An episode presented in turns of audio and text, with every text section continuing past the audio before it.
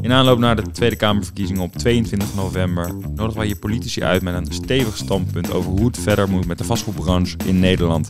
Vorige keer was linksgeluid te horen, ditmaal is de beurt aan rechts. Ja, na Henk Nijboer van de linkerflank hebben we vandaag Wieberen van Haga te gast. Wieberen is de grootste pandjesbezitter van de Tweede Kamer. Met één been in de politiek en met het andere in de vastgoedwereld.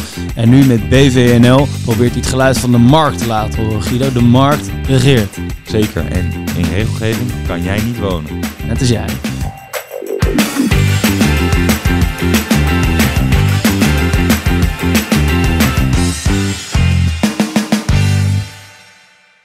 Welkom Wieberen. Volgens mij uh, nou ja, gedeeltelijk uh, kleinste partij in de Tweede Kamer. Maar ik denk wel de grootste vastgoedbezitter. Klopt dat? Absoluut. En met trots. Kijk, heel goed, heel goed. Ik was benieuwd. Uh, dit is natuurlijk een vastgoedpodcast. voordat we de politiek induiken. Wat, wat voor soort vastgoed heb je zoal? Um, nou, van alles. voornamelijk in, in Amsterdam en Haarlem. Woningen, winkels, kantoren. Nou, het is niet een hele... Kijk, ik ben geen grote vastgoedbelegger. Maar ik heb gewoon. Groot? Hoeveel? Uh... Ja, 150 huurders. 150 panden of 150 huurders? Uh, huurders. Oké. Maar ja, dat, dat uh, varieert van een, uh, een kantoorgebouw van, weet ik wel, een paar duizend vierkante meter tot een woningje in Haarlem van 30 vierkante meter. Dat is in ieder geval minder wij hebben Giet, maar goed, dat uh, zou niet zonder reden zijn. Nee, um, komt nog, hij komt nog hard werken. In de, in, in, jullie zijn hartstikke jong, dus jullie moeten nog even. Ja, nee, daarom, daarom. Uh, jong geleerd, oud gebouwd. Want wat, wat hebben jullie zelf gedaan dan? Um, nou, wij zelf zitten in het vastgoed, maar de luisteraars ja, maar, maar hebben er heel weinig. Hoeveel huurders heb jij bijvoorbeeld? Ik heb er nul. En jij? Ik huur zelf, maar uh, ik heb drie uh, medehuisgenoten die onder mijn contract ah, eigenlijk staan. ik heb, ik heb trouwens drie huurders. Heb ik er drie onder, en ik heb een vriendin die wat overmaakt. Dus. en, uh, en, en, wil winst op ze maken natuurlijk. Zeker, ja. En ik heb mijn huis. Die maken twee keer zoveel over als ik. Maar dat illegaal, ik heb een beetje illegaal op Airbnb. Dus ja, als je het zo optelt, dan... Komen we een heel eind. en goed begonnen. Op ons niet terug. Hey, en in de, in de, in de, in de storm die door het vastgoed raast de afgelopen jaren, welke van je ehm, ja, panden hebben het nu het beste gedaan? Zijn het toch de woningen nog? Of winkels? Nee, ik, ik, ik heb altijd uh, een ongelooflijk laag rendement gehad. Ik, ik maak 1,7% op de hele portefeuille. Dat is gewoon weinig. En uh, ik zit, een derde zit in box 3. Nou, dan ben je natuurlijk helemaal de klos. Ja, dat is een soort collectieve onteigening die plaatsvindt. ja, het, het, het, is, het is toch een soort collectivistische samenleving waar we indenderen. diep socialistische Tweede Kamer. En die, ja, die haat gewoon mensen die succes hebben en uh, ambitieus zijn en iets willen presteren. En die dan ook nog het verschil maken en vermogen opbouwen. En die moeten nu heel hard gestraft worden. En dat gebeurt nu. Uh, ja, in, in box 2, ja, dan is het natuurlijk wat simpeler. Dan betaal je gewoon belasting over je winst, dus dat gaat wat beter. Want in de aanloop naar dit gesprek zijn inderdaad al, nou, vooral die vastgoedmensen, die liggen helemaal onder een vergrootglas.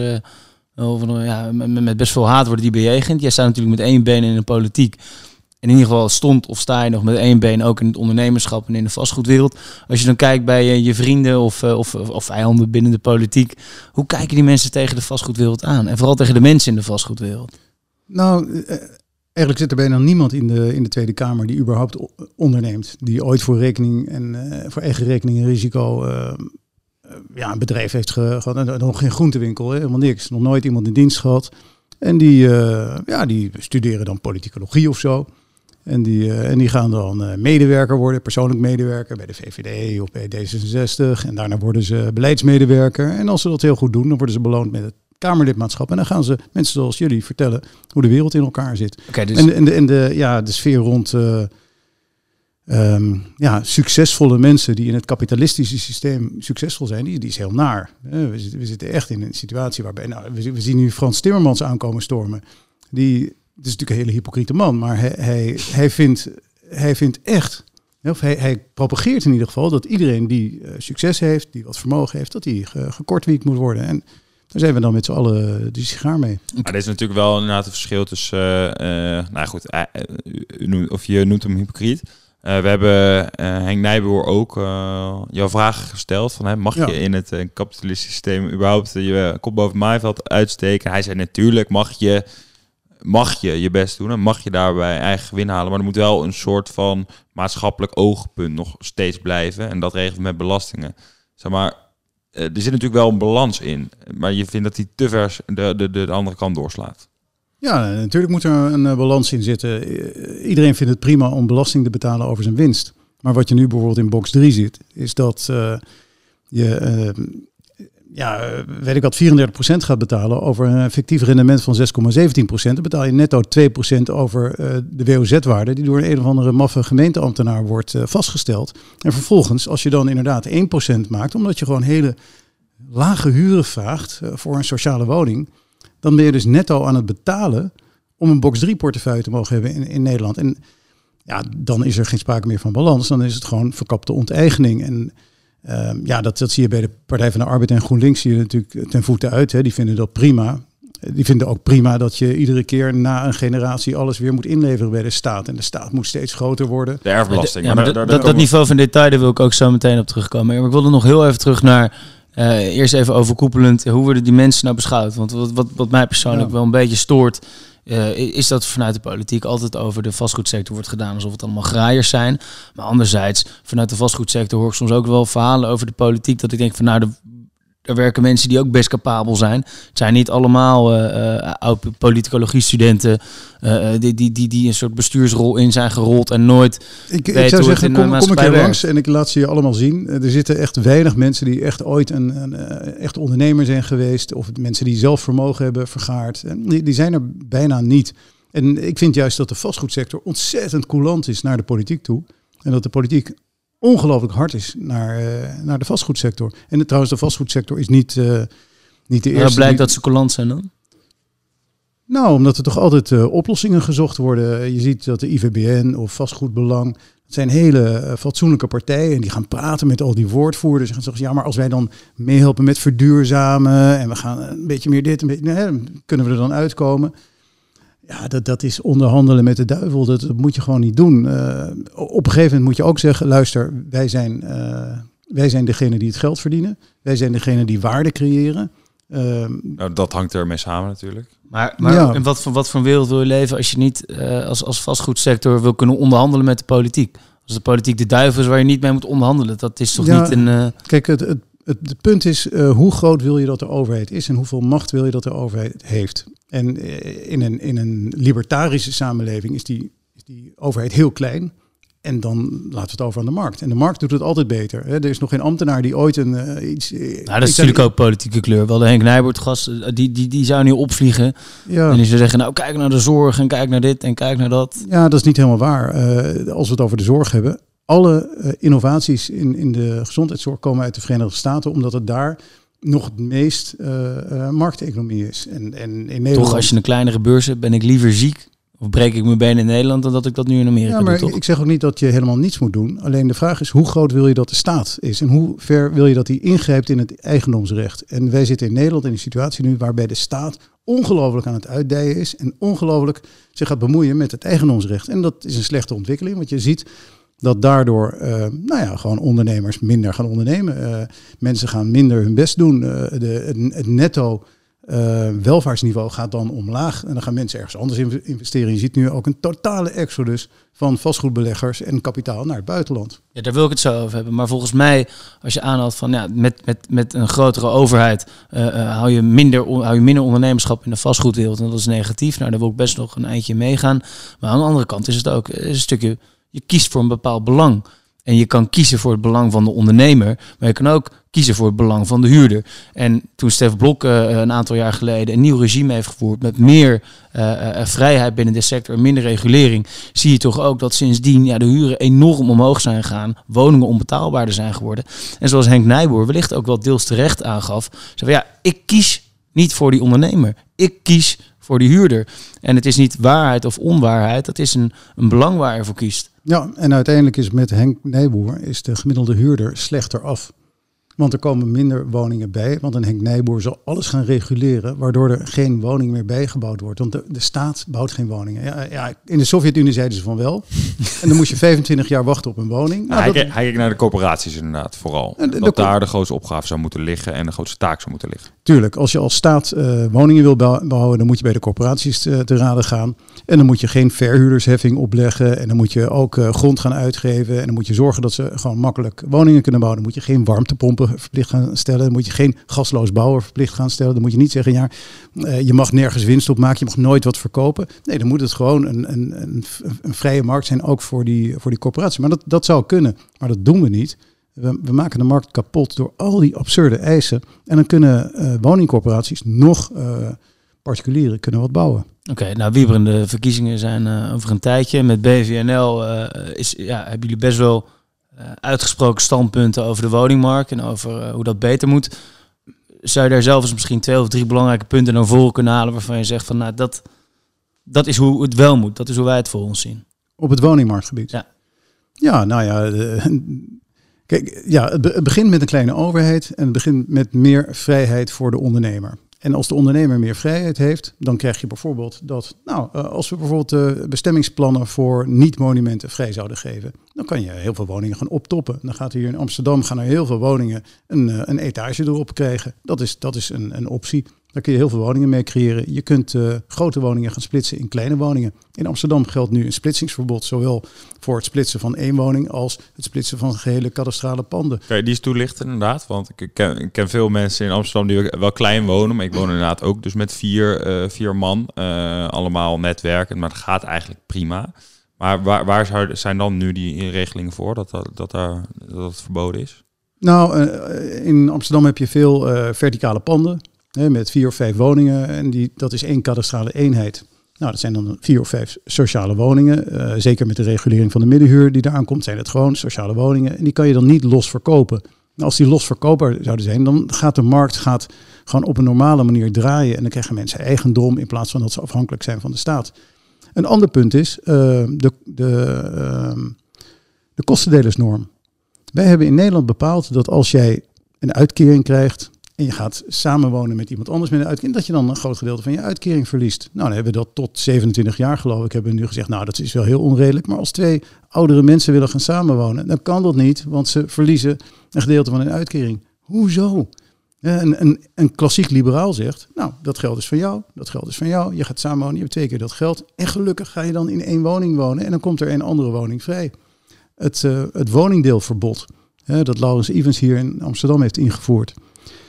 En nu weer is omgedraaid, toch? Of dat weet ik niet, maar ik heb daar, willen ze doen, ik heb daar ontzettend uh, veel last van gehad, want uh, tot uh, 1 januari 2017 was het gewoon legaal om woning te delen. En het werd, het werd begrensd door het bouwbesluit. En er stond in dat je geloof 15 vierkante meter bruto per persoon moest hebben. Nou, dus kon je op een woning van 60 vierkante meter, kon je dan vier mensen hebben. Dat is een beetje veel. Maar ik had veel samengevoegde woningen van 100, 120 vierkante meter. En er zaten dan vier mensen op. Allemaal een kamer van 25 vierkante meter, keuken, woonkamer. Dat was volstrekt legaal. Toen kwam de SP. bedoelde ik natuurlijk net met, uh, bij splitsen. Ja, de, de, de, SP heeft toen gezegd van nou, uh, wij willen dat de politieagent en de verpleegster weer in de stad kan wonen. Nou, die woonden dus bij mij, vier verpleegkundigen op één Ja, want dat was het betalen binnen, dus een redelijk rendement die jij uh, Ja, dus dan, dan vraag je bijvoorbeeld 1600 euro voor één woning van 120 vierkante meter. En er wonen vier verpleegkundigen op. Nou, toen kwam Laurens Evans, die zei nee, dat mag niet meer. Je mag maar met z'n tweeën erop wonen of je moet een vergunning hebben. Die vergunning kreeg bijna niemand. En vervolgens moesten er dus, weet ik wat, 17.000 woningen uh, constateren dat ze uh, geen vergunning kregen. Ja, en zij, zij voeren dan natuurlijk aan dat, dat het niet 1600 euro is uh, voor, voor vier man, maar misschien wel uh, bijna 4000 euro. Ja, dat is wat jij betaalt ongeveer, denk ik, toch, met ja. z'n allen? Ja, maar dat is volslagen onzin. Kijk, de markt, de, de, de vraag in de markt is toegenomen doordat 17.000 huishoudens opeens illegaal waren. En die moesten ergens anders naartoe. Dus er kwam een enorme vraag los. Terwijl als je dat niet had gedaan, als je nu weer zegt, weet je wat, woningdelen, uh, maar je moet 15 vierkante meter per persoon hebben, is gewoon toegestaan, geen vergunning meer. Al die ambtenaren die ermee bezig zijn kunnen naar huis. Dan krijg je dat al die mensen gewoon weer samen kunnen wonen. Ja, want die 15 vierkante meter, dat vind je een soort van bodemregeling qua menselijkheid, dat we het wel moeten waarborgen dat niet iedereen. Uh... Nou, kijk, toen ik studeerde in Delft, uh, had ik een kamer in het begin van, ik denk, 8 vierkante meter. Nou, is dat een probleem? Nee. Ik vind als je 18 bent en je gaat studeren, dan kan je prima uh, met z'n 15 in een huis wonen. En dat is misschien wel niet wat je op je 30ste nog wil, of op je, zeker niet op mijn 56ste. Leer meer van dan thuis blijven wonen. Nee, maar dat, in ieder geval. dat, dat kan, dat kan prima. Alleen door al dit soort maatregelen is nog steeds de verpleegkundige en de politieagent niet in staat om een eigen huis te kopen of te huren. Die verpleegkundigen die ik in die woning had, die moesten weg, want ik kreeg geen vergunning. Dus het is een absolute stupide contradictieve maatregel Ik wil met je meegaan dat ik deze twee voorbeelden inderdaad allebei best redelijk vind. Maar wanneer je zegt dat, dat, dat de markt zoveel mogelijk ruimte moet krijgen. En dat er eigenlijk gewoon geen regels moeten zijn. En als de markt kan oplossen, dan krijg je innovatie en dan komt het vanzelf goed. Dan denk ik, ja, nou, er zijn nou eenmaal sectoren binnen de maatschappij waarbij dat niet zo gaat. Als, als je de markt vrij zou laten, um, dan zouden er veel te weinig politieagenten zijn. Zouden er veel te weinig uh, opleiders zijn. Uh, en, en, en, en, en binnen de zorg zouden we ook problemen hebben. Er zijn ook mensen die zeggen binnen de woningmarkt, stel je laat het vrij. Um, en, en, en ik kan vergunningsvrij of in ieder geval bestemmingsplan, kan ik ergens woningen bouwen. Wat zou mij dan in hemelsnaam motiveren, los van een, misschien een moraal kompas, om niet gewoon alleen maar uh, uh, kleine hokken te maken waar nu veel vraag naar is, waar ik veel geld mee kan verdienen, waardoor ik veel voor de grond kan betalen. Dus het gevolg is dat we gewoon de grondprijs in Amsterdam omhoog gaan jassen. Maar ondertussen helpen we daar niemand mee. Ja, nee. En creëer je alleen maar een hogere bubbel. Dus er is toch juist iets waarvan je zegt, nou, dat is iets waar de overheid moet ingrijpen. Nou, natuurlijk. Ik, ik vind niet dat je zomaar monumenten moet kunnen slopen. Dus monumenten geen monumenten, maar gewoon een nieuwbouwproject. Nou ja, ik denk dat bij een nieuw, nieuwbouwproject, zeker met de achterstand die er nu is, zul je wel uh, wat hoger moeten gaan bouwen. Nou, is dat een probleem? Helemaal niet. Wa waarom gaan we niet nu heel veel uh, kleine... Vroeger had je die had-eenheden. 30 vierkante meter, één kamer met een keuken en, en een badkamertje erbij. Prima. Ik zou, daar, ik zou het prachtig vinden om daar op mijn 24ste in te beginnen.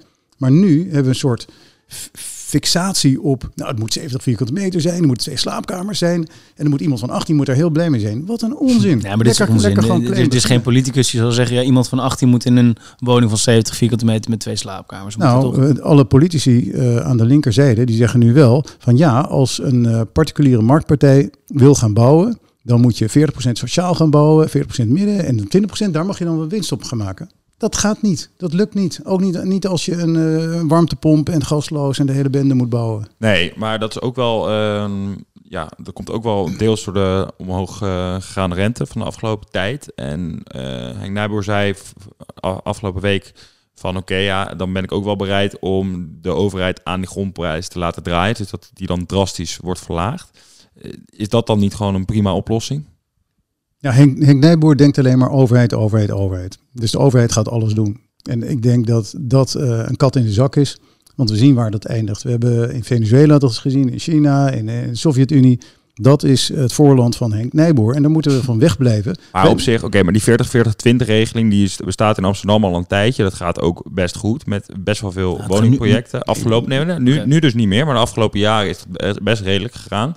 Maar nu heb je dus ja, te hoge grondprijzen voor die regeling. Dus dan er ligt wel bewijs dat dat goed is. En dan hebben we ook sociale woningen, betaalbare woningen, die voor de wat minder bedeelden ook te betalen zijn. Ja, maar ik zeg niet dat het slecht is om sociale woningen te bouwen, maar je moet dat weghalen bij de markt. Dus uh, als de corporaties tot taak hebben, nou, wij vinden met z'n allen dat er sociale woningen moeten komen, dan moeten de corporaties dat doen. Dan moet je particulieren niet meer lastigvallen, want die willen gewoon uh, aan de vraag van de markt voldoen. En dat moeten ze kunnen doen met een zekere winstmarge. En als dat, als dat lukt, dan, dan gaan ze dat doen. Maar dat is okay, niet dus totaal daar zou je een scheidslijn eigenlijk willen leggen. Corporaties zijn er voor de betaalbare woningen en de markt is er voor de vrije sector. Ja, nou stel dat er geld te verdienen uh, is op hele kleine goedkope woningen, dan gaat de markt dat ook bouwen. Maar je moet de staat weghalen uit de particuliere markt. En dat is nu volledig vermengd. En daardoor uh, zijn, zijn de vastgoedbedrijven nu naar België en Duitsland en Dubai en Bali aan het uitwerken, uitwijken. Om, omdat daar nog wel wat te verdienen is. En in Nederland niet. En dan, nou, Heemstade bijvoorbeeld, die zegt nu van, nou, hier is, de overheid is zo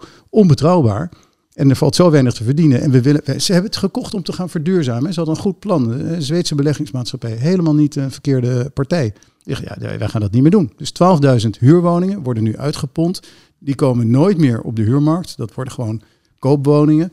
En die hele particuliere sector die is aan het verdwijnen. Ja, kijk, ja, en, moet, ja, geen ja, nee, die onbetrouwbaarheid, dat is ook volgens mij een, een reden waarom je zelf de politiek in bent gegaan. Uh, dat de overheid een onbetrouwbare partner is daarin.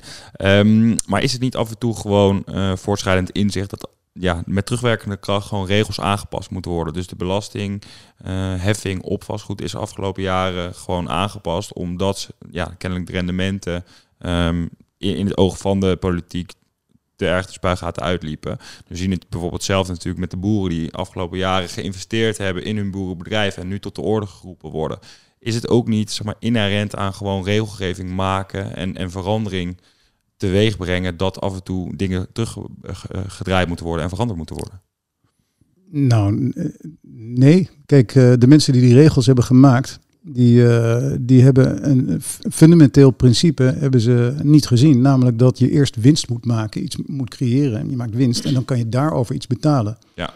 En dat is bijvoorbeeld in box 3 niet gebeurd. Er ja, met fictief uh, rendement. Ja, fictief rendement. En dat is nu zo absurd hoog dat er geen droog brood meer in te verdienen is. En iedereen stemt met zijn voeten. Dan wordt er dus niet meer verduurzaamd, er wordt niet meer onderhoud gepleegd, er wordt niets nieuws meer uh, gebouwd. Dat gebeurt gewoon niet meer in box 3. En dan is de overheid ook nog zo onbetrouwbaar dat ze niet een ontsnappingsroute of een overgangsregeling maken naar box 2. Want ik, ik zou het helemaal niet erg vinden om mijn box 3 portefeuille naar box 2 te verhuizen. Dan betaal ik gewoon belasting over wat ik maak. Nou, wil ik best wel. En dan mogen ze ook nog, mag Henk Nijboer ook nog zeggen, nou, het moet niet 25% zijn, maar 30% of 35%. Ja. Maar dan weet je in ieder geval dat je eerst winst maakt. Over het rendement wat je daadwerkelijk maakt. Precies, wat je daadwerkelijk maakt. En nu uh, is dat niet zo. Dus ja, iedereen ontvlucht dit land. Ja, en dit is, het is, nou, iedereen ontvlucht het land, hopelijk valt dat wel mee. Maar wij proberen natuurlijk ook een beetje advocaat van de duivel te spelen. En in ieder geval fiscaal. Hè? Kijk, Nederland is een prachtig land en uh, de Nederlandse welvaart... Nou denken ze ook wel anders over, toch? Nou, nee, nee. Kijk, uh, nog maar een paar eeuwen geleden, waar Nederland en Groot-Brittannië waren gewoon, zeg maar, de kapitalistische hoogconjunctuur in de wereld. En dat kwam omdat wij vrij kapitalisme hadden. Iedereen was gewoon hard bezig om, om vermogen te vergaren. was kindersterfte hoog en kon je als je arm was eigenlijk niet echt rijk worden. En, en er waren ook wel nou, een paar honderd jaar terug in de tijd. Ja, oké, maar uh, na, het socialistische systeem heeft toch ook goede dingen gebracht, of niet? Jouw vraag aan Henk Nijboer was, heeft het kapitalisme iets goed gebracht? Dan zou ik eigenlijk de vraag willen terugstellen, heeft het socialisme iets goeds gebracht? Nee, helemaal niets. Want het, socia nee, het socialisme leidt tot middelmatigheid. En uh, als, als, als gelijkheid wordt, wordt gesteld boven vrijheid, dan krijg je beide niet. En als de, de, de, hele discussie rond kansenongelijkheid nu, dat is een een fopspeen die heel erg leuk lijkt, maar het leidt tot meer socialisme, meer marxisme. En dan krijg je dat uiteindelijk het iedereen, iedereen het even slecht heeft. Terwijl als je iedereen de kans geeft om zich te laten, om zich te ontplooien en tot vol wasdom te komen en te werken en, en de hemel te bestormen, de sterren te plukken en af en toe op zijn bek te gaan, maar in ieder geval te proberen de kans te hebben, dan krijg je een veel hoger gemiddeld welvaartsniveau. Ja, en, en, maar dan moet je wel het kapitalisme om, omarmen. En dan moet je mensen vertrouwen. En dan moet je mensen de vrijheid geven. En dan heb je inderdaad een kleinere staat. Maar ja, dat is een soort angstscenario voor de huidige Tweede Kamer. Want die zegt, nee, ja, de markt heeft gefaald. Dus we moeten, we moeten meer overheid hebben. Nou, ik voorspel, als we nog meer overheid hebben... dan, gaan, dan zitten we zeg maar in de beginfase van Venezuela. En dan stemmen de, de top 1% stemt met een voet in gaan nemen het vliegtuig. Dan gaat de top 5% gaat daar achteraan in de auto. En uiteindelijk zie je mensen blootvoets met een kinderen op de arm eh, de grens overlopen. Ik moet mezelf er even aan herinneren dat we een vastgoedpodcast zijn. En ik vind het wel heel een interessant onderwerp om over door te gaan. Maar ik moet hem even terugpakken weer op dat vastgoed, denk ik. Helemaal goed. Um, we hadden het over de, ja, geld verdienen of wel of niet een, uh, een business case rond kunnen krijgen binnen het vastgoed. Uh, en dat het nu eigenlijk niet meer te doen is. Uh, advocaat van de duivel zou ook kunnen stellen. Ja, waar komt eigenlijk dat recht vandaan dat particulieren uh, geld moeten kunnen verdienen op het vastgoed. Ik bedoel, het, het, voorbeeld dat Guido aanhaalt ja, van de boeren, ja, dat was ook iets waar we misschien eh, heel lang over hebben gedacht. Ja, dat is inderdaad iets waar je geld mee mag verdienen. Maar met het inzicht van nu kunnen we als democratie, als, als samenleving een keuze maken van nou, dat is niet meer van deze tijd. Een heel mooi bedrijf aan, uh, hier, hier om de hoek genoteerd, DSM Firmenich, dat was nog steeds een staatsmijn geweest als we niet ooit hadden bedacht, hé, hey, we moeten niet meer in die mijnen in Limburg zitten. Dus waar komt eigenlijk dat recht vandaan om, om waarom mag jij geld verdienen met vastgoed? Waarom is dat niet zoiets als zorg waar um, ja, het recht van de huurder wordt verkozen boven dat van de verhuurder? Ja, maar die, die huurder die kreeg toch... Ik heb geen baan meer als het helemaal doorgaat, maar, maar je begrijpt mijn vraag Een, een huurder die kreeg toch een, eh, een, een dienst geleverd. Die, die, die kreeg toch iets, die betaalt ergens voor. En de markt bepaalt de prijs. En ja, als je daarvan afstapt en je zegt van nou, de staat moet alles in eigendom. En niet alles, maar bijvoorbeeld juist zo'n juist zo'n wonen. Ze zeggen altijd van nou, wat was nou? Het is ja, volkshuisvesting en het is niet een, een woningmarkt. En Kijk, ja, je kan zeggen wat je wil, maar dat Malieveld staat wel vol. Uh, uh, en hier in Amsterdam staan ze in het, uh, in het Westerpark met z'n allen te scanderen. dit willen we zo niet. Een hele jonge nee, garde. Dan, dan zijn ze allemaal linkse idioten? Ja dan, moeten ze, ja, dan moeten ze niet op socialistische partijen stemmen. Want dan duurt het inderdaad 25 jaar voordat je een huurwoning hebt. Maar als je een functionerende markt hebt, dan... dan het, het was ook altijd best wel redelijk. Hè? Als, er, als er een functionerende markt is met weinig met vraag en aanbod die in balans zijn, dan heb je leegstand. En dan kan je als huurder kan je ook onderhandelen. En dan een goede huurder, een betrouwbare huurder, die, die kan dan beter onderhandelen. Maar ja, wat hebben we aan de ene kant gedaan? We hebben de vraag laten exploderen door in de afgelopen jaren, zeg maar, nou, gemiddeld 100.000 mensen per jaar uh, toe te laten. Extra. Hè, of je daar nou mee eens bent of niet. En vorig jaar was het zelfs nog erger. Is het netto migratiesaldo 228.000 mensen geweest. Die moeten ergens wonen. Nou, op hetzelfde moment maak je het bouwen van woningen maak je veel moeilijker door al die rare regeltjes die van links komen. Ja, dan heb je een onbalans in de markt. Dat komt niet door de markt, dat komt door de overheid. En, en om op jouw vraag terug te komen. Ja, eh, als je het eigendomsrecht inderdaad wil gaan aanvallen, ja, dan is de discussie: wil je in een liberaal-kapitalistische samenleving wonen of in een marxistische, communistische, socialistische samenleving? Maar dat is, natuurlijk wel ste stevig uh, stelling inderdaad. Het eigendomsrecht wordt aangevallen, maar dat, doordat er een paar belastingregels worden aangepast, wordt daarom uh, het eigendomsrecht aangevallen? Ja, natuurlijk. In, in, in, uh, in een, in een mooi uh, libertarisch stelsel is jouw huis gewoon van jou. Je koopt het huis, je betaalt het af. Het wordt gewoon niet van je afgenomen. Nou, ik heb nu een huis. Uh, maar ik moet voor mijn huis betalen uh, om daarin te mogen wonen. Huurwaardeforfait, OZB, uh, rioolrecht, waterschapsheffing, afvalstoffen.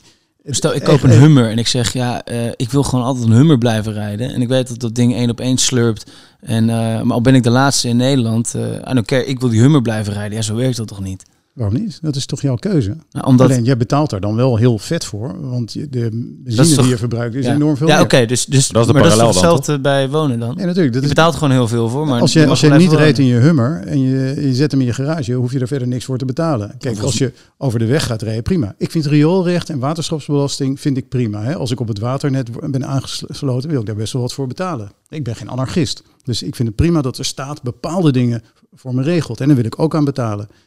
Maar dat de linkse overheid zegt van ja, maar het is onredelijk dat jij een eigenaar bent van een huis uh, ten opzichte van de huurders die niet een huis bezitten. En daarom moet je huurwaarde voor betalen. Dat hebben ze tegenwoordig eigen woning voor genoemd. Dat, dat is een, eh, een diep socialistische rare belasting. Oké, en als we dan even uh, nou ja, goed, naar die mensen op het Malieveld gaan. En ja. uh, nou, ik weet niet of meneer uh, Nijboer erbij stond. Um, maar die, die, die scanderen dan allemaal inderdaad een woning, een woning is, een, is een grondrecht en geen investering.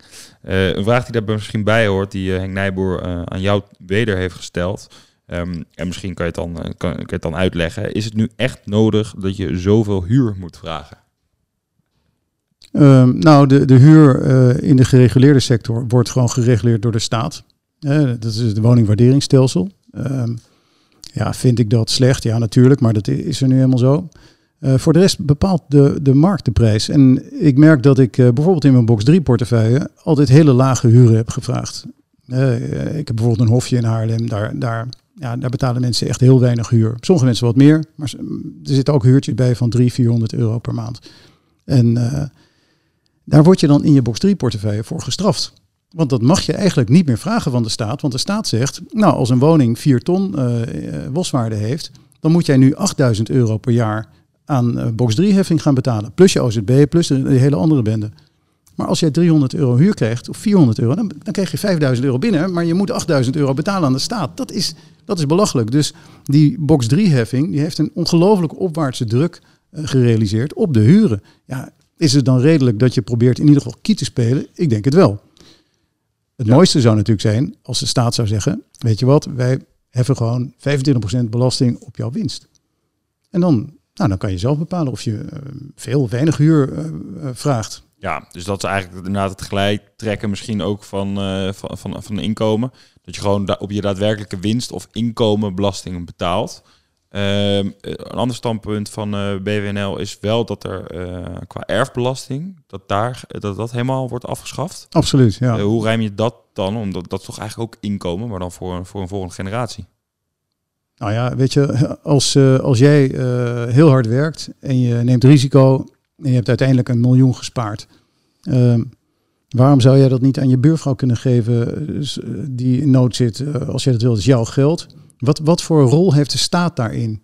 Ja, ik, pak, ik, pak, nu een voorbeeld dat misschien één op de duizend gebeurt. Vaak is het natuurlijk gewoon dat kinderen dat erven met 3-0 voor beginnen. Ik vind het juist uh, de geschiedenis die je zelf hebt verteld. Van je zegt van nou, ik kom uit, uh, uit Den Haag, ik heb alles zelf opgebouwd en uh, ik heb het zelf verdiend. Dus kan ik er ook zelf mag ik er de vruchten van plukken. Dat vind ik eigenlijk een sterker verhaal. Dan zou ik, vond ik inderdaad het standpunt van, ja, maar we gaan geen erfbelasting betalen. Dacht ik, hè, dit, dit, het is juist van werken loont, hard werken, dan kan je veel verdienen in het leven.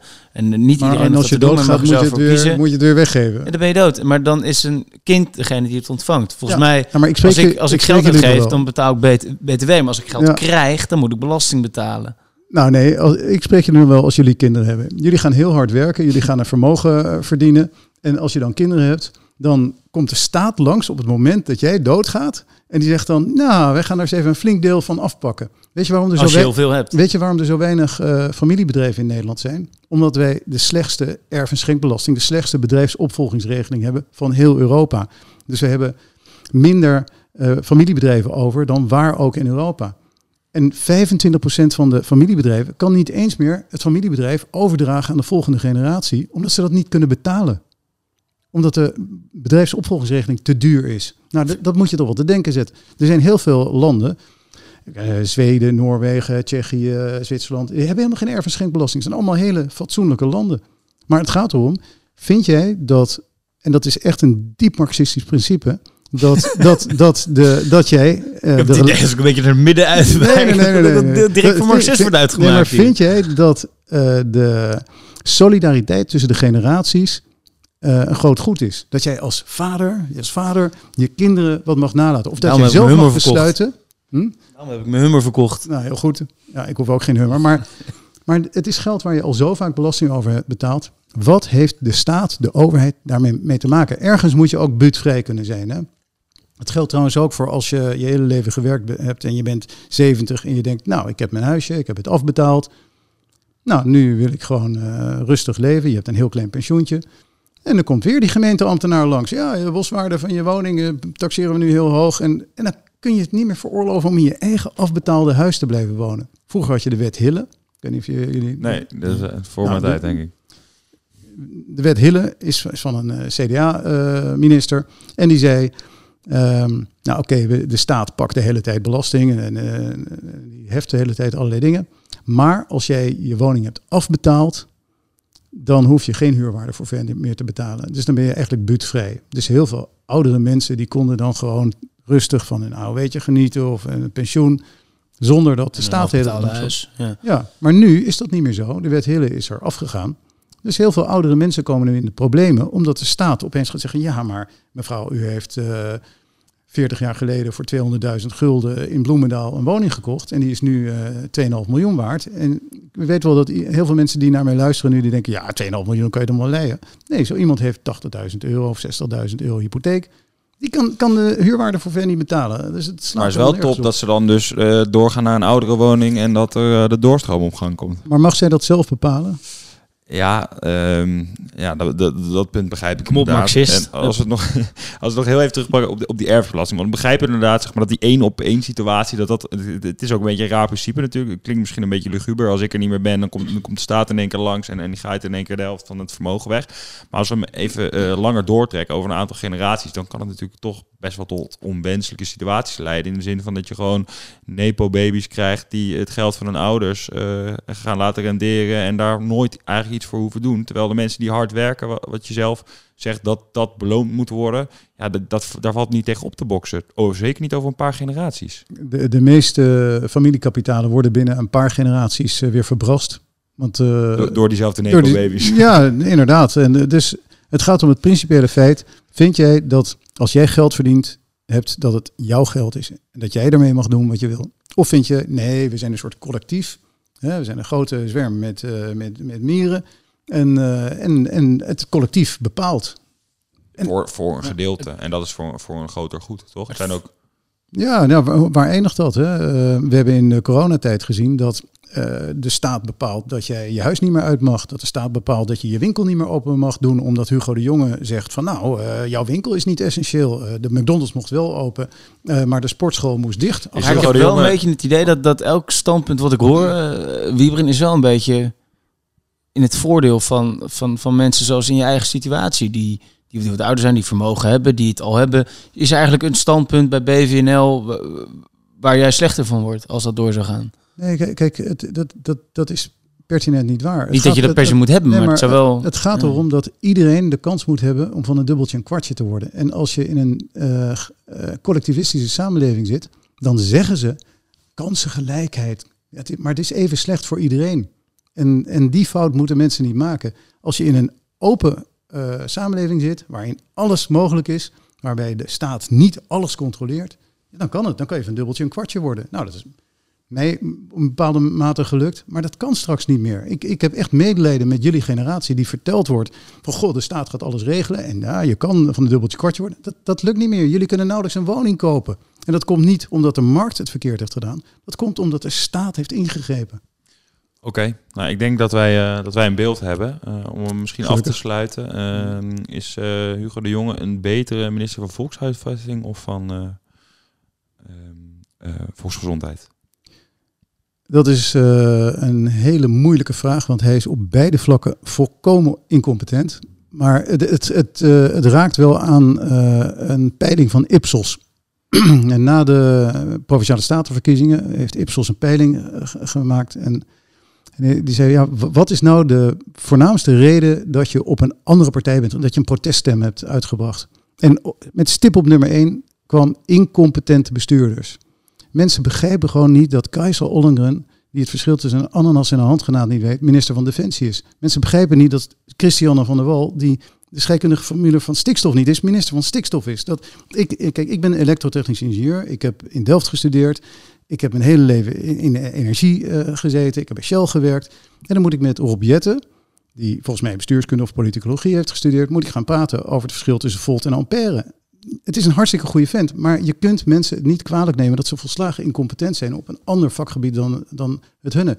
En dat geldt ook voor Hugo de Jonge. Die is waarschijnlijk een hele goede onderwijzer. Daar is hij competent in. Hij, heeft, hij is naar de PABO geweest. Hij is waarschijnlijk een goede eh lagere schooldirecteur. Allemaal prima. Maar minister van Volksgezondheid in, in een coronacrisis. Dat, is, dat kan je het volk niet aandoen. En nu hebben we een enorme crisis op de woningmarkt. Wie zetten we daar weer neer?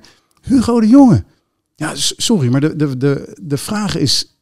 Ja, het is een leuke vraag. Ik vind het leuk om te beantwoorden. Maar hoe hebben we dit in godsnaam zo ver kunnen krijgen... dat het hele volk zegt... kunnen we alsjeblieft gewoon mensen die verstand van zaken hebben... eh, op, de, op bepaalde posten zetten? Nou, Belang van Nederland, hè, BVNL, heeft dat in ons programma staan. We willen een verstand van zaken kabinet. Mensen die competent zijn op hun eigen gebied... eh, op de posten zetten. Maar dit, dit kabinet doet precies het andere. Hè. Eh, We hadden Sigrid Kaag, topdiplomaat. En die was een goede minister van Buitenlandse Zaken. Daar, daar was ze ook voor opgeleid, heel goed. We hadden aan de andere kant Wopke Hoekstra Ja. op financiën. De wissel. Wat doen ze? Ja. Ze doen een wissel en ze zijn alle twee volslagen incompetent op de nieuwe post. Waarom? Oké, nou laatste vraag. Eh, de verkiezingen komen aan, 22 november. Bij hoeveel eh, zetels voor BVNL eh, is het een geslaagde campagne geweest? Nou, kijk, ik heb altijd gezegd, je moet minimaal acht zetels hebben om echt een volwaardige fractie te kunnen doen. Maar ik ben met eh, vijf zetels ben ik ook eh, heel erg blij. Zeker gezien het feit dat wij, eh, ja, wij vrij, weinig- vrij weinig aandacht krijgen. We krijgen gelukkig aandacht van jullie. Dus Zeker, ik ben ja. ontzettend dankbaar. wij, zijn wij zijn de moeilijkste Ik weet niet hoeveel volgers jullie hebben. Ja, wel een paar- duizenden. paar eh, per, honderdduizend. ja. Ja.